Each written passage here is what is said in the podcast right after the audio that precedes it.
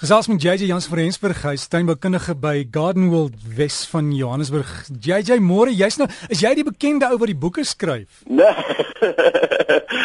Want vir die sorry nog net 'n enkel fout, nog nie meer fout nie. ja, JJ, dis geen net weer vir ons die naam van die boeke. Ek kry verskriklik baie navrae, maar ek sien Brisa ehm um, het dit goed op hulle webtuiste brisa.co.za. Gee die ja. naam van die boek? Brisa het dit op hulle webtuiste en hy is beskikbaar by baie boekwinkels en ook hier by ons. Dit is elke seisoen is jou beste seisoen. Elke seisoen is jou beste seisoen en hy's in Afrikaans beskikbaar. En ek weet hulle het ook 'n versendingsdiens waar hulle hom sommer daar na jou huis toe stuur. Dis hy, dis hy 100% net so. Dirk en ja nee, vir die van julle wat dink dat hy baie tegnies is, hy's glad nie tegnies nie en ek kry geweldig baie mense wat sê baie baie dankie, dit is 'n ongelooflik interessante boek. So as jy iets interessants nodig het om bietjie jou tuin te doen, interessante feite, lekker tuintaakies, dit is 'n tipe van boek wat jy kan ja. kry. En kyk my ook die RSG logo is voor op die boek so as jy moet die winkel soek, kyk maar net vir RSG se literaat sien. Maar JJ, hierdie tyd van die jaar, dit begin al amper herfse kant toe raak en ek sien van die blare begin val. Jong, jy kan dit nie glo nie, maar die aande word al lekker koel. Cool. Ek sien nou selfs by my baie van die plante kry in die aand al bietjie koud eh, dat jy kan sien daar is al 'n bietjie koue skade wat eintlik op die plante kom of soos jy sê net die plante wat begin om van seisoene te verander en wat nogal heel interessant is want die dae is nog so ongelooflik warm. Maar ja, hierdie tyd van die jaar soos jy sê, soveel mense se broodbome het nou sade aan en wil weet of hulle die sade moet afblik en of hulle dit net so moet los. Nou as jy nie die saad gaan oes en dit plant nie, is dit definitief definitief beter om dit maar net eenvoudig af te sny sodat dit nie onnodig krag en energie uit die plant uithaal nie. Dit is eintlik nogal heel interessant hoeveel mense weet nie wat is die verskil tussen 'n manlike broodbome en 'n vroulike broodboomplante nie. Nou die manlike broodboom uh se saad is eintlik styfmeel. Dit is 'n redelike lang dunnerige saadkop, maar eintlik is daar geen saad op hom nie. Dit is 'n fyn poeieragtige styfmeel wat op hom is en as jou plant soos in die ou terme die brode, die groot sade maak, is dit oor die algemene wyfie plant. So met jou inheemse broodbome is dit redelik maklik. Die styfmeel is op die mannetjies plant en die sade, daai brode is op die wyfie plant. En dan natuurlik as jy kyk na jou uitheemse revoluta variëteit, uh die sade is altyd agter baie dig gewefte blare. Hy maak so 'n bal van blare bo op die plant, op die kroon van die plant. Dan het hy hierdie groot ronde sade wat agter daai dig gewefte blare skuil en as sodra hulle ryp word, dan druk hulle uit in die kant, jou blare maak oop en jy kan daai blare pluk of daai daai sade pluk en dit dan plant. So onthou, kyk bietjie uit as jy 'n broodboom het en jy wil nie noodwendig gee hulle met energie mors in die sade in nie, sny dit eerder af en laat jou plante vinnig weer herstel en vinnig weer nuwe blare uitstoot. Baie van ons somersaailinge is nou besig om saad te vorm nou dat jy praat van dit wat dit nou herfs word. En nou moet mense dop as jy die saad wil oes. Nou gelukkig is die meeste somersaailinge baie maklik om weer van saad af te kweek as jy die saad reg bære. Onthou, heel eers van alles, moet jy seker maak dat jou saad eers ryp is voordat jy dit oes.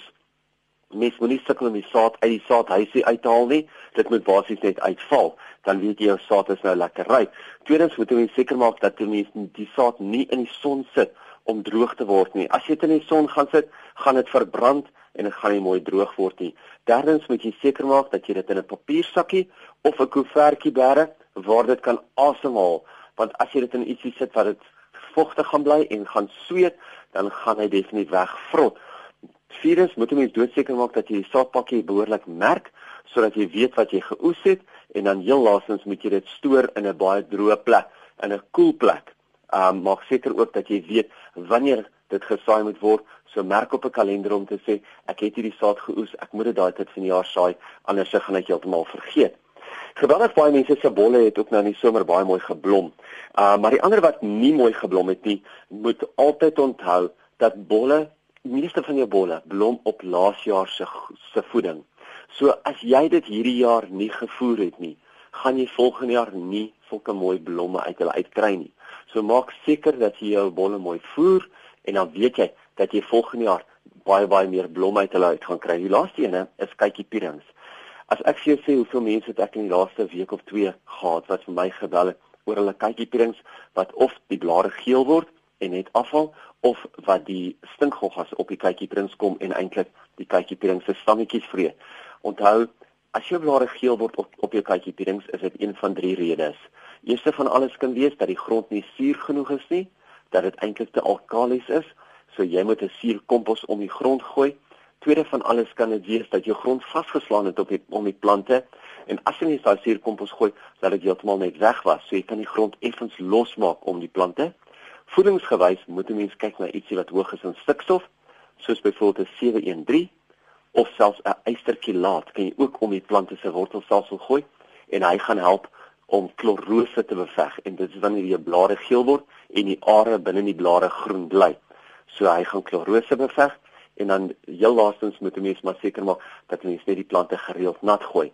Want onthou jou kykieprinks is een van daai plante wat baie water nodig het. So gooi maar gereeld nat, dan weet jy dit gaan beter gaan met hom.